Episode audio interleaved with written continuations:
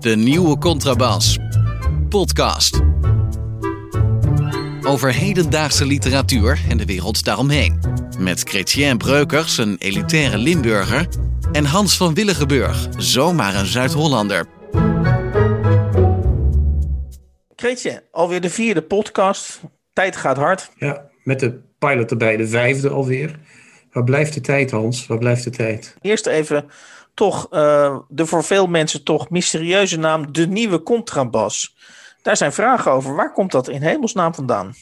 De nieuwe contrabas, Hans, uh, komt van de oude contrabas. Eerst had ik ooit tussen 2005 en 2015 een weblog. Eerst over poëzie en later over literatuur in het algemeen.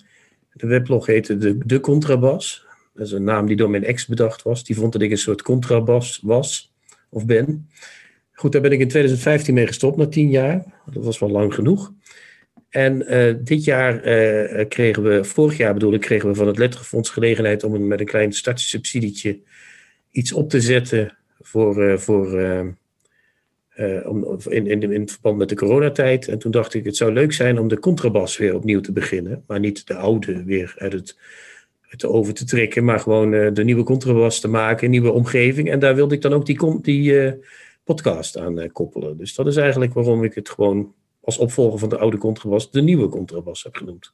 Oké, mooi verhaal, helemaal rond. Uh, maar de vraag is natuurlijk, dus, maar, maar zeg maar, de, de, de, de conclusie moet zijn dat jij, jouw ex dus vond dat jij een contra, uh, dat vind ik in ieder geval zelf het leukste gedeelte van jouw antwoord, dat, die vond dus dat jij een contra bas was. Dus we mogen eigenlijk, een, een, eigenlijk in, deze, in deze podcast een tegengeluid verwachten of een, of een oppositioneel geluid van jou. Een, een, bijna letterlijk een contrabas. Ja, dat is iets waar ik toen in ieder geval wel heel erg uh, onbekend stond. En nu nog wel, maar uh, dat, dat zullen we van, in deze aflevering eens gaan, nader gaan bekijken, denk ik, of niet? dus ik heb het idee dat we daar eens even naar moeten kijken. Ik vind namelijk eigenlijk tot nu toe, maar dat is even heel kort, is dat we best wel Best wel trouwens, heel, best wel vreselijke uitroepen, uh, uitdrukking. Maar goed, uh, dat, dat we tot nu toe eigenlijk heel redelijk zijn. Of vind je al dat we een keer uit onze slof zijn geschoten? Of maar we maken toch al met al wel hele verantwoorde uitzendingen, heb ik het idee. Nou ja, de uitzendingen zijn altijd ver, verantwoord. Ook als je, maar we hebben, ik kan me toch herinneren dat we Stefan van Vleteren toch aardig. Uh, ja, dat was, maar dat de, was de, de start. Daarna hebben. zijn we eigenlijk in onze, fatsoens, in onze fatsoensspiraal terechtgekomen. Maar ja. uh, Van Vleteren dreunt inderdaad nog wel na. Dat ben ik met je eens. En, en jij vond Van Tuinen ook niet echt heel goed. Nee. Ik heb, we moeten misschien gewoon slechtere boeken kiezen dan. Ik vond het tot nu toe wel aardig. kijk, als, als ik echt iets lees wat me niet bevalt, dan hoor je het wel. dus. Gelukkig krijgen we ook positieve reacties. Uh, van Hoorden die schrijft... Naast de info die ik krijg over literatuur en poëzie... is het ook leuk om die twee bezig te horen. En dan zegt ze over Chrétien heel rustig en cool en ook heel beleefd. En dan citeert ze jou. Mag ik daarover iets zeggen, Hans? Dat, dat, dat zeg je, dat, dat is waar. Dat heeft ze goed gehoord. Dat zeg je dus af en toe heel beleefd tegen mij. Mag ik daarover iets zeggen, Hans? En over mij zegt ze dan uh, zo enthousiast, die Hans, dat hij over zijn woorden struikelt. En gelukkig zijn ze het meestal niet eens, dus dat blijft interessant. Uh, tot zover Veronie van Hoorden. Dan hebben we nog Filip uh, Fokkens. En die zegt: Ik heb vandaag jullie derde podcast beluisterd. En jullie zijn wel goed hoor, tot nu toe. All allemaal beluisterd. En het niveau blijft. En dan zegt hij hoog, hoog, hoog. Dus ja, ik weet niet wat drie keer hoog. Drie keer hoog, ja. ja. Nou, ik verheug me alweer op de volgende heel goed, Hans. En de dodelijke scherpte van Chrétien is ook niet te versmaden. Jammer, zegt hij, dat hij deze week niet weer over God Tommy heen plaste. Want dat kan hij echt geweldig. Ik dacht ooit dat ik de enige was die die, die afschuwelijke do-gooder irritant vond. Maar niet dus, gelukkig. Ciao. Ja, ik kan, uh, kan die uh, laatste uh, reageerder kan ik geruststellen. Ik heb er vandaag weer een. Maar ik kan niet over Tommy heen plassen natuurlijk, want over God heen plassen, dat gaat niet. Dus dat is onmogelijk. Maar ik heb wel een Tommy klaarstaan voor vandaag. Dus dat is voor later de aflevering. Ondergewaardeerd. Boeken die onterecht onzichtbaar blijven. In deze rubriek hebben we het deze keer over het pas verschenen boek Ontwaak, uitroepteken van uh, Ewald Engelen. En dat heeft als ondertitel Ontwaak uit uw neoliberale sluimer. Uh, en het is eigenlijk een, een uh, of eigenlijk, het is natuurlijk een, een logisch getimed boek. Um, vlak voor de verkiezingen. En het is bedoeld om ons een bepaalde kant op te duwen. namelijk niet op een neoliberale partij te stemmen. Ehm, en andere keuzes te maken. Nou is het zo dat uh, Ewald Engelen niet helemaal expliciet maakt. Uh, hij, hij, neemt achterin geen lijstje op van partijen die neoliberaal zijn. Maar uit de inhoud kun je wel opmaken dat alle middenpartijen, dus alle, alle fatsoenlijke traditionele partijen, uh, ik noem even de VVD, CDA, D66 en Partij van de Arbeid en ook GroenLinks volgens mij, in de ogen van Ewald Engelen allemaal neoliberale partijen zijn. Ja, en de PVV denk ik ook, of niet? Uh, de PVV, zou dat ook een. Nee, ik, weet niet of die dat ook een neoliberale partij nee? vindt. Zou kunnen. Maar goed, uh, ik vraag aan jou, Chrétien. Uh, het, is mijn, het was mijn tip. op mijn voorspraak gaan we het over dit boek hebben. Hoe beviel jou dit boek? Ik zag er echt als een berg tegenop. Ik dacht een politiek boek. Wat moet ik daarmee? Ik uh, ben niet zo van de politiek. Ik vind eigenlijk alle politici slechte mensen. En uh, dat, dat uh, viel erg mee, moet ik zeggen. Ik begon te lezen en binnen no time zat ik op bladzijde 60, 70. En de tweede dag schoot ik al door naar 140. Nu moet ik eerlijk zeggen dat het slot daarna mij weer wat minder boeide. Maar wat ik, wat ik echt fijn vond om te lezen, hij is ook echt een goede pamfletist, Engelen. Hè? Echt iemand die er met, met de knoet op losgaat. Uh, wat mij eraan eh, echt, echt aan meesleepte, is dat hele verhaal van hoe kan het nou dat tien jaar neoliberaal bewind in Nederland, en eigenlijk als je de Paarse kabinetten meetelt al 18 jaar neoliberaal bewind, hoe kan het nou dat die kiezers niet zeggen van die liberale partijen, die schaffen wij hierbij af, want die hebben ons niks dan ellende gebracht.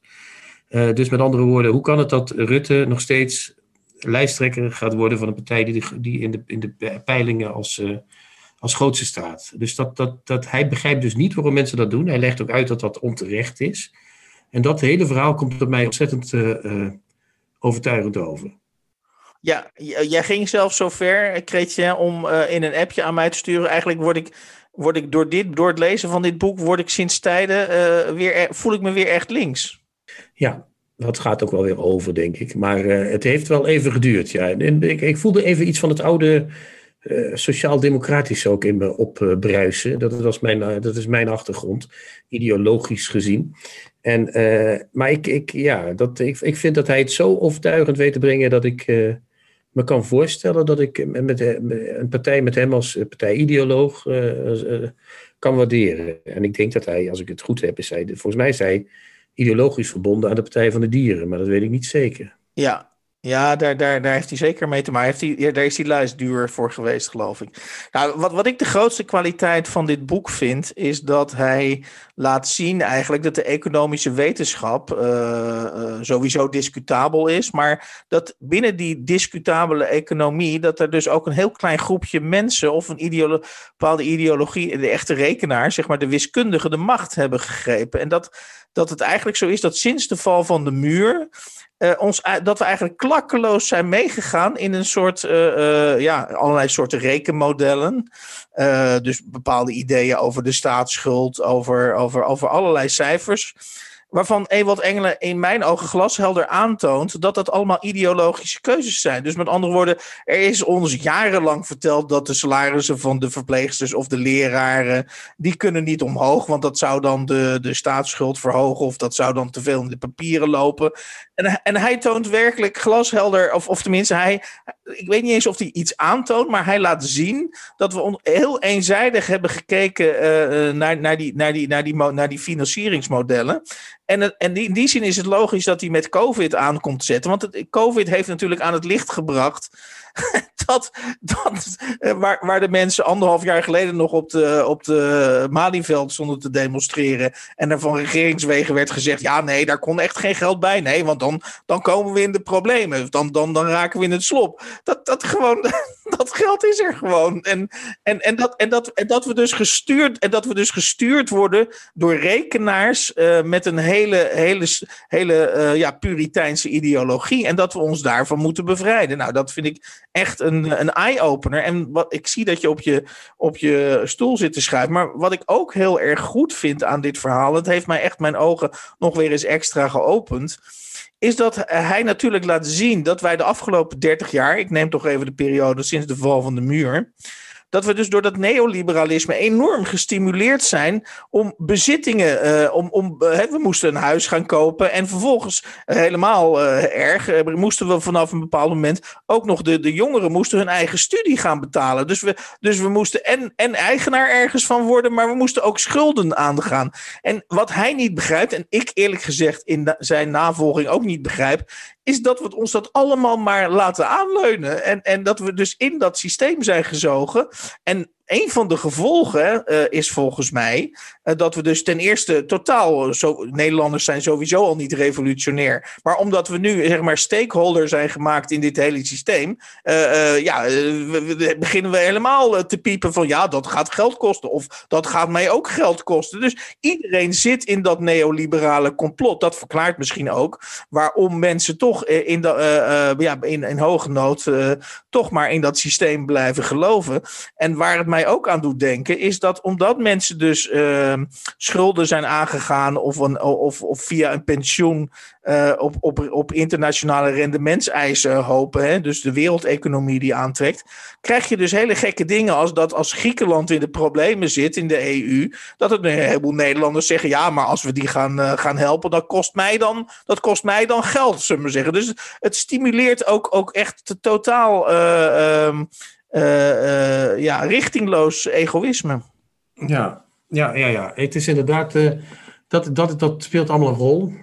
Maar wat, wat, wat hij ook zegt, en dat is misschien hetzelfde, ja, we, zijn allemaal meegezogen in die neoliberale illusie, dat klopt. Maar wa, wa, wat hij ook zegt, en dat, wat hij ook uitlegt, is de manier waarop het kapitaal tegenwoordig wordt weggesluist door een paar bedrijven. Hè?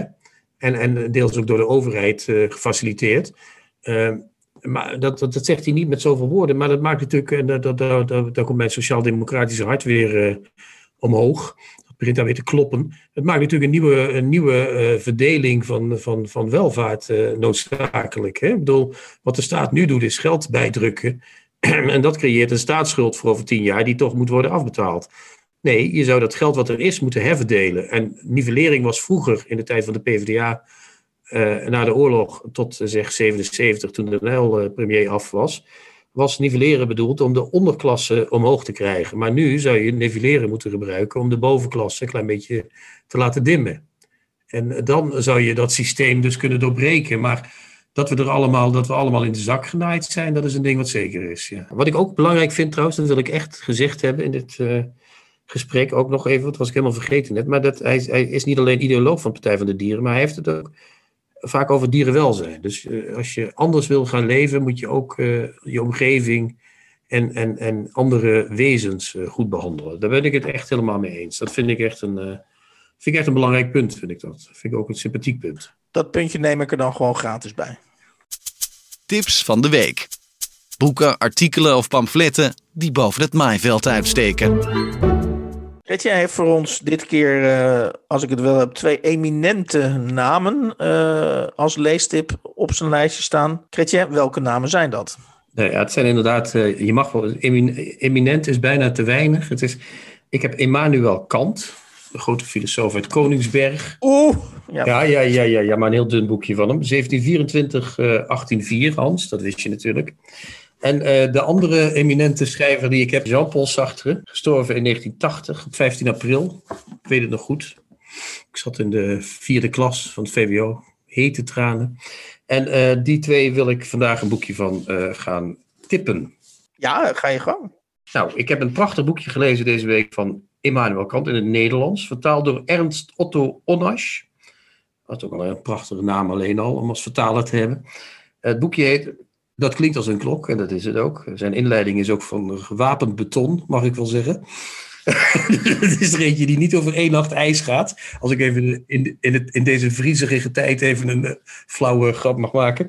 Uh, en het boekje heet Over Pedagogiek. Uh, het is een pamflet van, van de heer Kant.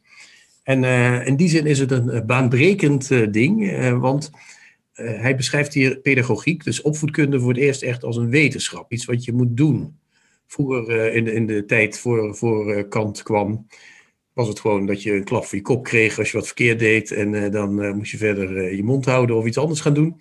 Sinds Kant, Kant wilde eigenlijk alle aspecten van de opvoeding zo arrangeren dat je als kind, zonder het idee te hebben dat je gedwongen werd, toch tot mens werd opgevoed. En pas als je mens bent zonder al te veel rekening te houden met uh, familieomstandigheden, uh, allerlei uh, maatschappelijke dingen. Dus als je als het ware als mens boven die dingen uitstijgt, kun je als volkomen mens meewerken aan die maatschappij, maar ook dingen veranderen in die maatschappij. Hij was een soort voorloper van Maria Montessori. Ja, maar ik denk dat, zijn, dat Montessori hem toch nog één graadje te, te, te vrij was, want daar mag je soms zelf kiezen. En dat is er bij Kant allemaal nog niet bij, uh, dat soort uh, maar goed, hij is, ook een, hij is natuurlijk ook een kind van zijn tijd. Alvorens je verder gaat met je oordeel, want ik ben heel benieuwd wat je van het boek vindt en waarom je het tipt. Maar hoe, hoe, hoe werkt dat bij jou? Hoe kom je opeens in contact of, of sta, hoe kom je stil te staan bij over pedagogiek van Immanuel Kant? Ik weet in ieder geval zeker dat ik, als, als jij het niet had, als jij het niet was tegengekomen, was ik het waarschijnlijk tot aan mijn dood niet, had ik het niet gepakt.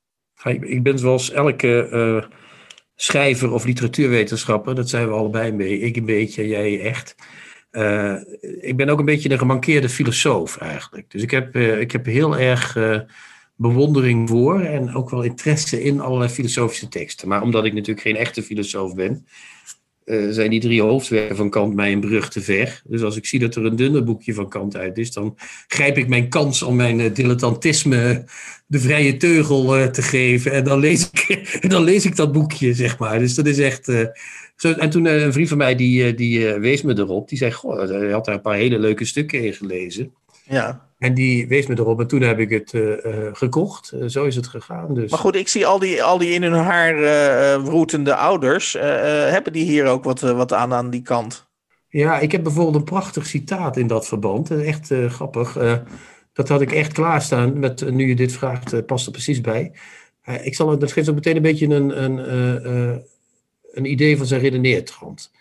Ik zal hem even citeren. Ouders spreken gewoonlijk vaak over het breken van de wil bij kinderen maar men kan hun wil niet breken wanneer men deze niet eerst heeft bedorven. Dit gebeurt zodra men toegeeft aan de despotische wil van de kinderen en hen met een geschreeuw alles laat afdwingen. Je hoeft eigenlijk alleen maar in de trein te gaan zitten om te zien dat dit klopt. Uh, als je goed gezien had. Uh, uh, het is dermate moeilijk om dit naar de rand goed te maken dat het zelden zal lukken. Men kan er wel voor zorgen dat het kind stil is, maar het verbijt dan zijn woede, die daarmee van binnen alleen maar sterker wordt. Zo wendt men het kind aan veinzerij en aan innerlijke gemoedsbewegingen. Het is bijvoorbeeld erg vreemd wanneer ouders eisen dat de kinderen hun hand kussen nadat ze met de woede zijn geslagen. Men wenst ze zo aan veinzerij en valsheid. De roede is, niet bepaald, is immers niet bepaald zo'n prettig geschenk dat het kind zijn ouders daarvoor zal bedanken. Men kan zich gemakkelijk voorstellen met welk hart het kind de ouderlijke hand zal kussen. Dus zelfs het slaan van je kind moet je zo doen dat het kind denkt: nou ja, dat is toch mooi meegenomen. Hè? Je moet dat niet tegen de wil van. Je moet dat kind als het ware meenemen in die, in, in die slaag. Dat is ook weer dat, dat wat, hij net, wat ik net zei: dat hij dus al die aspecten van die opvoeding moeten zo zijn dat het kind denkt: ik word niet gedwongen, maar ik word wel gestuurd. Ja, dus dat hele Teutoonse aspect van Kant, dat vind jij in zijn voordeel werken eigenlijk? Ja, ik denk dat hij voor zijn uh, tijd uh, zelfs helemaal niet Teutoons was. Ik denk dat dit al. Dat dit eigenlijk alweer vooruit, dat in die tijd dit vooruitstrevend was. Hij heeft het ook betrekkelijk weinig over lijfstraf. Hij vindt ook dat je kinderen niet, niet te veel moet slaan. En dat is, ik, ken nog verhalen uit de jeugd van mijn ouders, waarin dat ook nog behoorlijk op losgemapt uh, Maar uh, zijn er mensen die je dit aanraadt? Misschien iedereen wel, om dit te lezen? Of, of zijn er nog bepaalde Ik zou jonge ouders, ik zou het in de blijde doos doen, dit boek. Ja, dat zou echt het beste zijn. Om daar alvast even, even, dit even door te nemen. Weet je wat ik nou heb gevonden in de blijde doos? Immanuel Kant. Dat is weer wat anders dan een ander windsel wat er ook in zit, namelijk een luier. Dus dan heb je weer een ander iets, uh, ja. Nu naar de door jou in 1980 zo betreurde uh, en beweende Jean-Paul Sartre. Ja, ik weet nog dat we bij ons op het VWO toen vijf dagen rouw in acht genomen hebben. En uh, dat was een vreselijke toestand, iedereen huilen. Maar ik, ik heb een, een boek waar ik, waar ik, wat ik wilde tippen. Dat is, een, dat is, niet, geen nieuw boek, verre van. Het heet Walging, La Nausée in het Frans. Ja, dat is een klassieker natuurlijk. Hè? Uitgekomen in het vooroorlogse jaar 1938 bij Gallimard. heel grappig. Freud, of Freud, wat zeg ik nou toch? Sartre wilde dit boek eigenlijk Melancholia noemen, naar een beroemde ets van, of gravure van Durer. Dat is, er zit zo'n hele beetje stombere engel, zit dan voor zich uit te koekeloeren. En, maar dat uh, Gallimard, de uitgever, die zei: nee, nee, nee, nee, wat jij daar beschrijft, dat is walging. En die Sartre wilde er eerst niet aan, maar die heeft is uiteindelijk uh, door, de knie, door de kleine knietjes gegaan. En uh, toen is het de walging geworden, wat walging geworden. En dat is natuurlijk ook, hè, dat, dat komt meteen in die hele tijd van het existentialisme, waarin, waarin Sartre een centrale rol speelde. De tijd van het uh, alleenstaande individu uh, die zijn eigen keuzes moet maken, was die walging die hem soms overviel. En waar dat boek ook over gaat, of in ieder geval wat in dat boek steeds terugkomt. Was natuurlijk een term die was bijna op de lijf van die tijd gesneden. Dus dat had die oude Gallimard uh, goed gezien. Maar voor als je nu een heel exposé, daar luister ik graag naar hoor. Maar wat is, wat is, wat is voor, voor jou de reden om, om anno 2021, februari 2021, toch vooral wat jou betreft walging weer eens open te slaan? Ja, nou ja, het, het, is ook een walgelijke tijd waarin we leven nu. Hè. We hebben al corona al en dan krijgen we ook nog al dat vriesweer eroverheen. Een soort tweede lockdown erbovenop. Uh, maar dat is niet de enige reden. Ik heb vorig jaar, omdat er toen een biografie verscheen uh, in vertaling over uh, Simone de Beauvoir, ben ik teruggekeerd tot de Beauvoir, ook weer een paar boeken van herlezen van haar. En dat vond ik echt heel fascinerend. Ik herinner me nog wel de tijd tussen laten we zeggen, 80, 83, einde middelbare school en 95. Ook mijn eerste vriendin, die las veel de Beauvoir en Sartre. Ik herinner me wel nog die fascinatie van vroeger. Dus via de Beauvoir kwam ik op uh, een berichtje dat uh, uitgeverij Atheneum, die dit boek nu heruitgeeft. Maar nu, nu, ga je weer leeglopen op, al je, op jouw boekenkennis. ik wil gewoon een actie. Misschien ben ik ongeduldig, je mag me ook slaan. Maar waarom moet ik nu Walging gaan lezen? Je moet nu Walging gaan lezen omdat het een uh, fantastisch boek is. Dat is de eerste plaats, maar het, het is een fantastisch boek. Uh, omdat het. Hij, is, hij, heeft ermee begon, hij begon ermee. Hij begon met het maken van een filosofisch traktaat. Dus filosofie is het thema van dit tipblokje, merk ik nu ineens. Met een filosofisch traktaat over contingentie, over toeval. En toen heeft hij dat later om willen werken naar een uh, uh, roman, op aanraden van dezelfde Beauvoir weer overigens. En dat heeft hij gedaan door er een soort mijmeringen, uh, die mijmeringen over het toeval en over die walging, die zitten er wel in, maar hij heeft er een soort verhaal aan opgehangen, een dagboek. Van iemand die in een kleine stad zit en daar een biografie over een volledig onbekende diplomaat schrijft die de Rollebon heet. En die man die schrijft zijn dagboek, gebeurt eigenlijk niks. Het zijn eigenlijk alleen maar steeds uh, over hoe hij zich voelt en hoe die walging over hem heen komt en hoe dat uh, verschrikkelijk is daar. En dat is allemaal op zo'n mooie, dwingende manier geschreven dat je bij iedere zin denkt, jezus, wat, wat, kon die man, uh, wat kon die man toch schrijven, weet je wel? Heeft... Maar banale, banale, of banale motivaties als met walging gaat COVID wat sneller of gaan we snel, komen we sneller uit de lockdown, daar ben ik natuurlijk bij jou aan het verkeerde adres. Niet, niet helemaal aan het verkeerde adres, maar dat speelt in die zin geen rol. Al moet ik wel zeggen dat als ik alleen maar boeken zoals uh, over pedagogiek, uh, ontwaak en uh, walging zou lezen, dan zou, ik, de lockdown zo, dan is het, kan de lockdown nog wel een jaartje voort. dan, dan, zijn we er, dan, dan, dan heb ik geen zin, dan ben ik nog best bereid om een jaartje te lezen. Ja. Wat lees jij? Kort vraaggesprek over wat iemand aan het lezen is en hoe dat bevalt. We zitten nog steeds midden in de, in de COVID-crisis. Uh, dat vraagt nog steeds al onze aandacht. Langer dan we natuurlijk allemaal gewild hadden. Uh, welkom Mark Bonte, om, uh, lid van het OMT. Ehm, heb je überhaupt nog tijd om andere dingen te lezen dan vakliteratuur?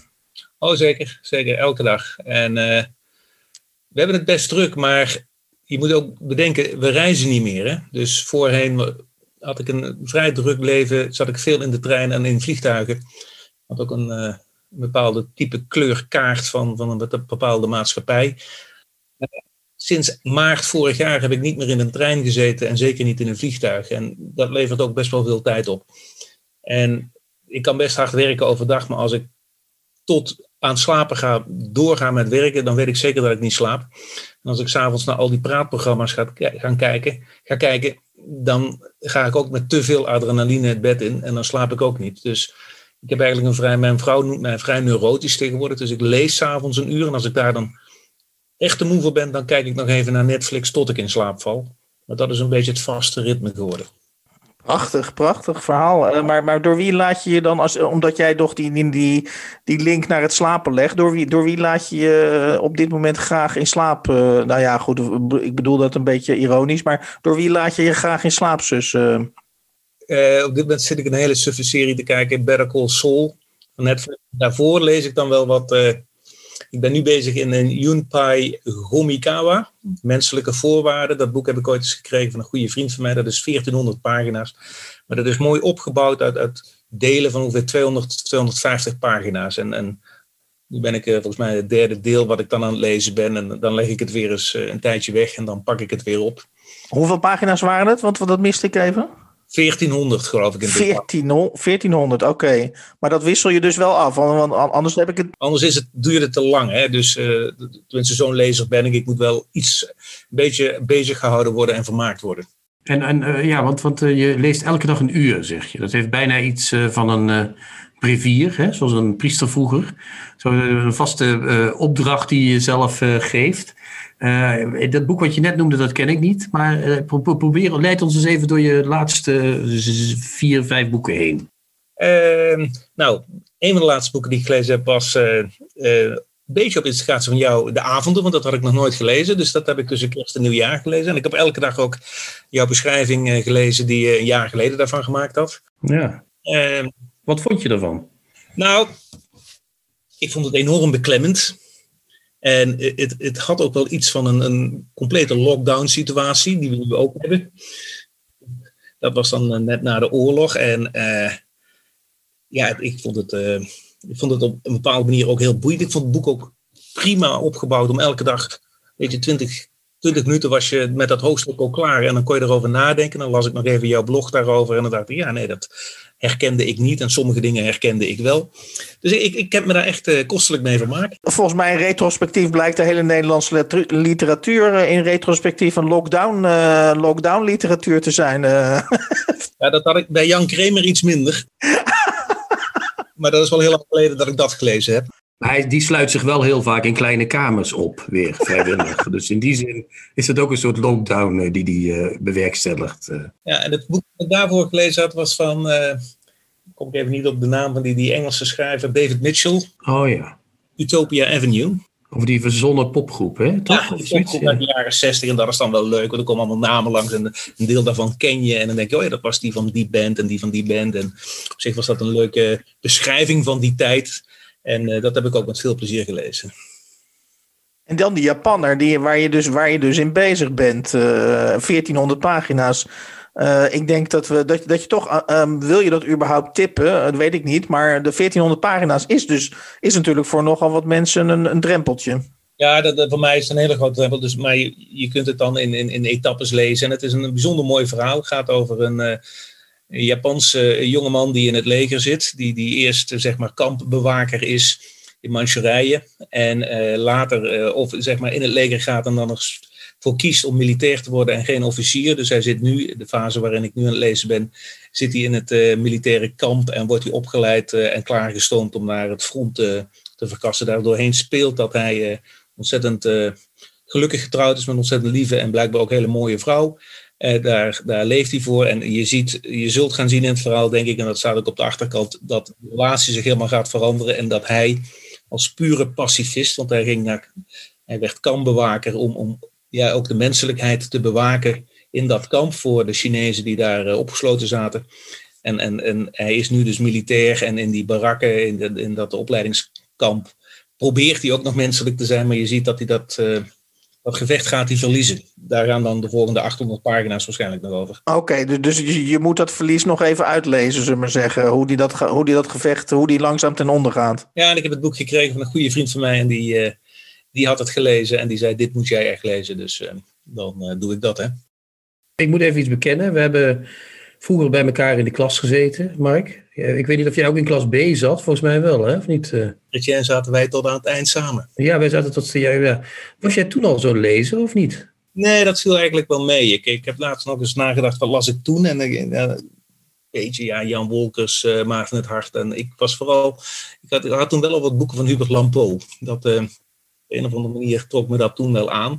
En ik ben eigenlijk in mijn studententijd ben ik langzaam weer wat gaan lezen. En ja, dat is eigenlijk daarna niet meer minder geworden. Dus ik, ja, als ik een boekenwinkel inga, dan kom ik altijd met veel te veel thuis. Dus ik krijg niet alles gelezen wat ik, uh, wat ik mee naar huis breng. Maar ik ben altijd wel met één of twee boeken tegelijk bezig. Ja. Ik ben toch op zoek nog naar, naar een soort groots gebaar. Ik bedoel, je bent natuurlijk als lid van het OMT, lig je natuurlijk. Ik weet niet of dat voor jou dat ook persoonlijk geldt. Liggen natuurlijk hier en daar wat mensen onder vuur. En, en het geduld van mensen wordt hier en daar op de proef gesteld. Uh, misschien is lezen wel de ultieme therapie uh, om deze COVID-crisis door, door te komen. Misschien kan je daar. Kan je dat één beamen en twee kun, misschien kunnen nog een paar zielen winnen om dat ook te gaan doen. Uh ja, ik, ik, kan het iedereen aanraden. En ik vind het ontzettend leuk en ontspannend om te doen. En ik zou er ook graag wat meer van begrijpen en, en ook iets meer kennis ervan hebben. Met name ook over de literatuur. Mijn schoonvader die heeft Engelse letterkunde gedoseerd. Dus die, die hebben we wel eens kunnen verleiden in een boekenclubje om daar wat dingen over te vertellen van de Engelse literatuur van de 18e en 19e eeuw dan. Ja, dan is het zo rijk en uh, interessant om daarover te horen. En dan heb je een boek gelezen en dan vertelt hij daarna iets over dat boek. En dan denk je, god, was dat hetzelfde boek? Uh, maar dat zat dus allemaal in en dat, dat kom je als, als gewone lezer, uh, kom je dat niet tegen, lees je daar gewoon overheen. En dat vind ik altijd jammer. Ga je nog, ben je nog de volgende stap van plan, Mark? Dat vraag ik me dan af, want uh, eerst ben je lezer geworden, maar nu maak je natuurlijk, je leeft in de roerige tijden. Hè?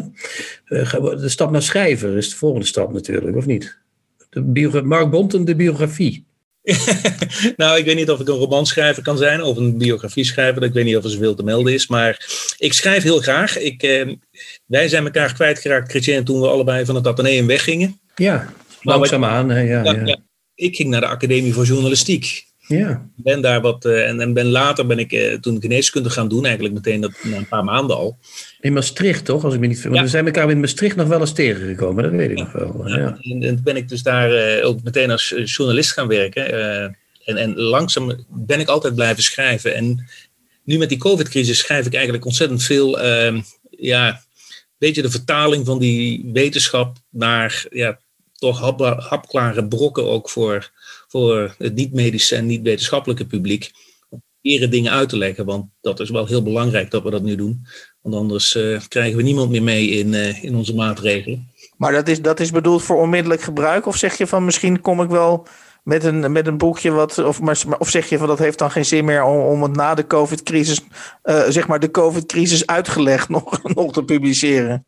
Ja, god, uh, wie weet dat daar voldoende tijd voor heb. Ik, ik, zit ook in een wat moeilijke positie daarin, want mijn goede vriend en collega is uh, Miguel uh, Ekkelenkamp, ook wel bekend als Boelnes. Ja, dat is een schrijver inderdaad. Ja. Een vrij gevierd schrijver. Mooie boeken schrijft hij trouwens, ja, ja vind ik leuk. Een keer de, de Librisprijs net gemist, ja, maar ja, als je dan zeg maar in zijn nabijheid zit, dan moet je wel heel goed kunnen schrijven als je dat ook gaat doen.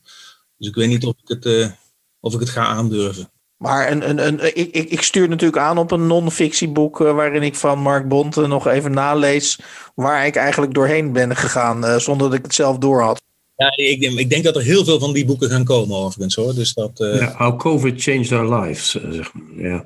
Nou, je bent nog twee boeken schuldig. Hè? We hadden Reven, we hadden Mitchell en... Ja, maar het moet geen huiswerk worden. Nee, maar ik ben toch benieuwd, want ik ben gewoon nieuwsgierig naar die. Het is geen huiswerk, het is wat ik dan recent gelezen heb. Ik ben, nou, dat moet ik dan ook maar gewoon opbiechten. Want toen had ik de avonden gelezen. Toen dacht ik, nou, dat andere grote Nederlandse boek, uh, de Max Havelaars. Dat heb ik ook nog nooit gelezen. En die lag hier ook. Dus daar ben ik ook in begonnen. Maar daar ben ik echt na 80 pagina's gestopt. Daar kwam ik echt niet doorheen. Want, weet je, kun je mij vertellen waarom? Nou, uh, ik had wel een oude druk, denk ik. Dus het was nog heel oud Nederlands. En uh, op een of andere manier pakte het verhaal me helemaal niet. Het waren, het, het, dat is natuurlijk ook wel kenmerkend van het verhaal heb ik begrepen alle verschillende invalshoeken en de verschillende stijlvormen. En, maar ik weet niet hoe het kwam, maar eh, het werd een, een, echt een dagelijkse opdracht. Ik moet tien pagina's doen. En, na, na... Deze biecht is genoteerd. Ja, ik moet, ik, ik, moet zeggen dat ik daar wel een uh, theorie over heb, Mark. Want ik kom ook nooit door dat boek heen, gek genoeg. Ik heb het wel gelezen, maar met horten en stoten en als huiswerk op den duur bij Nederlands. En ik lees, probeerde het een paar jaar geleden nog eens. En ook ik kwam zo bij 80, 100 bladzijden. dacht ik ook tot hier en niet verder. En volgens mij komt dat. En wij zijn allebei Limburgers. Dus dat kunnen we uh, allebei navoelen. Ik vind het zo'n ontzettende Hollander in dat proza. ondanks al die zogenaamde vrijheid die hij heeft, is een enorme stijve hark eigenlijk. Nee, dat, dat, dat viel mij ook op. En op een gegeven moment dacht ik, dat is wel leuk. Maar Na verloop van tijd weet je het wel, hè? dat duurde me te lang. Nou, Chrétien wil kennelijk nog één boek. Hij wil het helemaal, eh, hij wil, hij wil het We helemaal, gaan helemaal tot het, tot, tot, het, tot, het aller, tot de diepste kern van het leeswezen van Mark eh, gaan we. Ah, dat is het boek wat ik iedereen cadeau doe. eh, dat is eh, van eh Vasily eh, Grossman, Leven en Lot. Dat is, eh, maar dat heb ik wel al een tijdje geleden gelezen. Maar dat, dat vond ik echt wel een, misschien wel het beste boek wat ik gelezen heb. Vertel kort iets erover.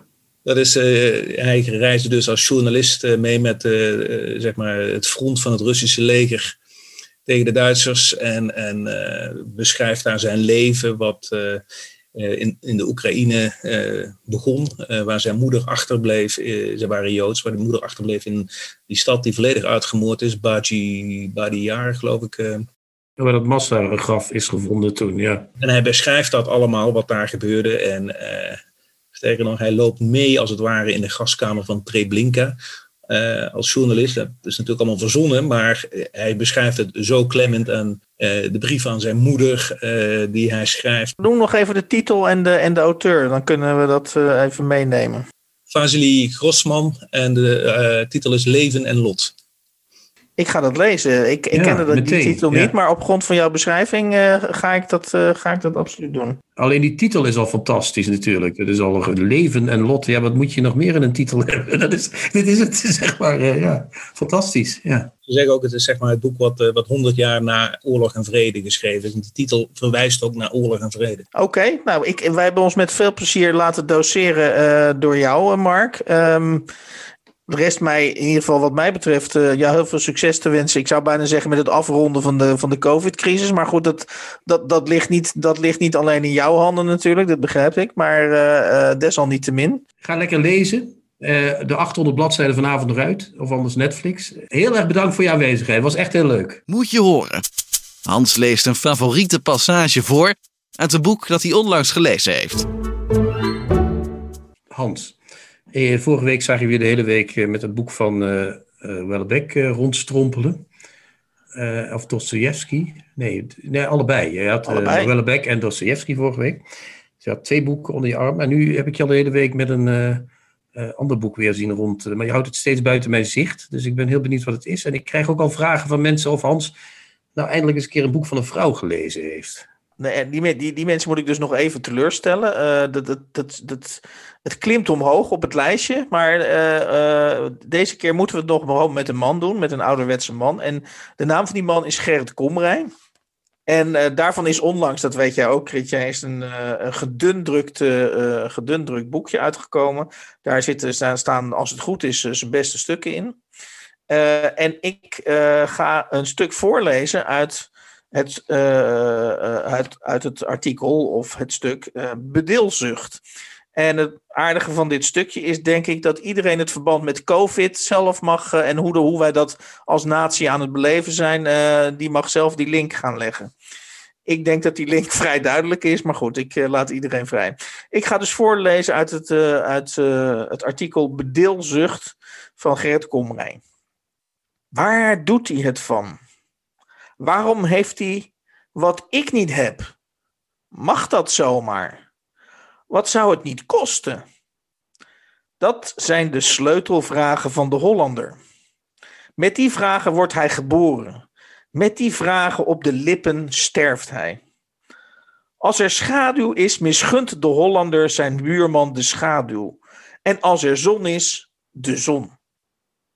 Bij gebrek aan relief, drijfveer en grandeur is hij altijd op zoek naar pietluttigheden. Verveel hem niet met mode, gastronomie of literatuur, maar verblijd hem met elleboogstukken, vitaminen of vertelsperspectief. Als hij op de kleintjes kan letten, is hij op zijn best. Mijn broer woonde in een stille wijk in een provincieplaats. Op een dag aan het eind van de herfst was de jongen al forse boom in zijn tuin verdwenen. Toen ik mijn broer opzocht, werd ik onmiddellijk getroffen door de boomloze leegte in zijn tuin. Een kale en bleke plek die er niet hoorde te zijn. Voor mij was de boom een wonder geweest. Schaduw, harmonie, vredigheid, kunstzinnige aanblik, alles precies goed. Er was geen tweede boom als deze. Wat is er gebeurd? vroeg ik verschrikt, mijn rechtervoet nog op de drempel. De verklaring klonk als iets uit een huistuinen- en keukenruzie. Er waren geen moeilijke woorden bij, toch vond ik het schokkend. Zijn buurman had zich beklaagd over de herfstbladeren die bij opstekende wind de keuken binnenwoeien.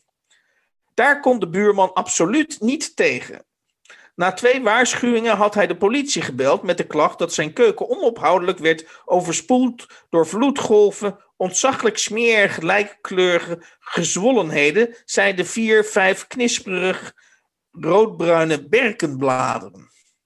Gesommeerd door de agenten en oog in oog met zijn steeds heviger naar gerechtigheid hakende buurman.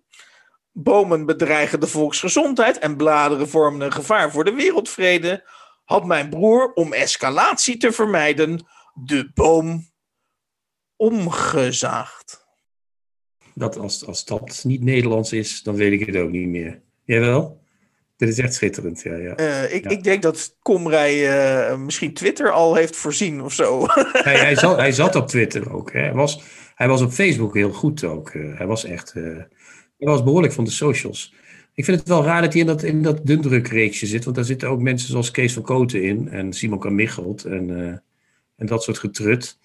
Dus, uh, uh, nou ja, Kamichelt is minder getrut dan Kees van Koten natuurlijk. Maar dat is een beetje de lolligheidsreeks van Van Oorschot geweest tot nu toe. Dus ik vind het toch jammer dat hij in die hoek terechtkomt. Dat wordt bijna een soort stem van vroeger. Bijna een soort Annie. G. Schmid wordt hij dan. Ja, maar je vindt het dus ook eigenlijk te lollig, begrijp ik dat hieruit? Nee, de, de reeks heeft iets lolligs. En dan zit okay. Conrad daar ineens in. En dan is het net alsof hij bij dat soort lollige schrijvers hoort. Dus dat is... Ja.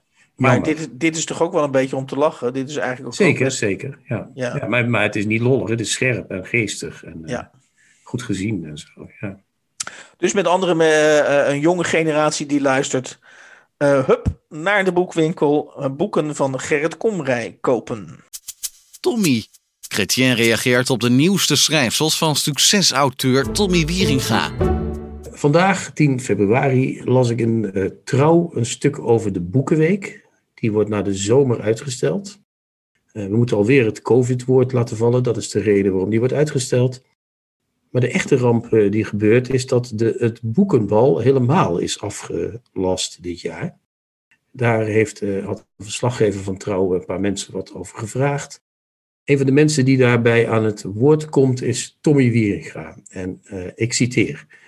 Wieringa omschrijft zijn eigen boekenweek als het leukste wat ik ooit heb gedaan. Ik ben heel gevoelig voor dit soort traditie. We hebben in Nederland een diep egalitaire samenleving waarin weinig glorie is weggelegd voor kunstenaars. Het boekenbal is even zo'n moment waarop je kunt schitteren. Ook al sta je als geschenkauteur in de rij met je klam geworden muntjes in je hand. Het is ook heel mooi om je boek in zo'n krankzinnige oplage van 700 of 800.000 verspreid te zien en om als hoofdgast zo'n klein knikje te geven vanaf het balkon van de Schouwburg. Ik heb er met volle teugen van genoten. Hier komt Tommy als uh, keizer uit de kast, uh, of beter, hij treedt hier de Senaat tegemoet.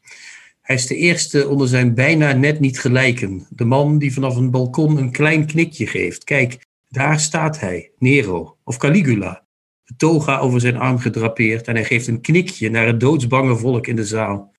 Misschien beschikt hij met dat knikje wel over het lot van een niet-Tommy, een niet-bestseller-auteur. En daar komen de soldaten uit het boekenvak al aan om die auteur te isoleren en te executeren. Het lijk gooien ze net als vroeger in Rome in de rivier. En in dit geval dus de Amstel in plaats van de Tiber. O, Tommy, in veelvoud verspreid en toch gesteld op dat kleine knikje, terwijl hij boven iedereen staat.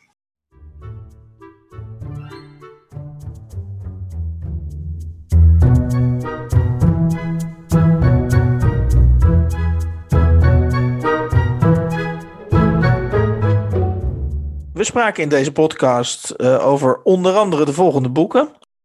Ontwaak, uitroepteken van uh, hoogleraar Ewald Engelen. Met als ondertitel Kom uit uw neo, neoliberale sluimer. Verschenen bij Atheneum Polak en Van Gennep in 2021. Dan tipt uh, Chrétien het boek Walging, of de roman Walging van Jean-Paul Sartre, vertaald door Marianne Kaas In 2020 verschenen, ook bij Atheneum. Dan uh, besprak uh, eveneens als tip Chrétien Immanuel Kant. De titel Over Pedagogiek. En dat is ingeleid en vertaald door Ernst Otto Onasch, verschenen bij Boom. En als klap op de vuurpijl spraken we met Mark Bonte, OMT-lid. Hooggewaardeerd OMT-lid, mag ik wel zeggen. En hij tipte het boek Leven en Lot van Vassili Grossman. Verschenen bij, uh, of in ieder geval bij Balans in 2017. En uh, vertaald door vrouwtje Slofstra. En dan vergeet ik er nog één, want dan heb ik tenslotte natuurlijk voorgelezen uit Gerrit Komrij. De gedundrukte uitgave, uh, luisterend naar de titel De Ultieme Vergaarbak. En die is vorig jaar verschenen bij Van Oorschot. Wil je reageren op, de, op deze podcast? Dan kun je uh, een mailtje sturen naar ons via podcast.denieuwecontrabas.blog. Ik herhaal podcast.denieuwecontrabas.blog. Tot volgende week. De nieuwe Contrabas podcast wordt gemaakt door Chrétien Breukers, Hans van Willigenburg en Erik Lindenburg.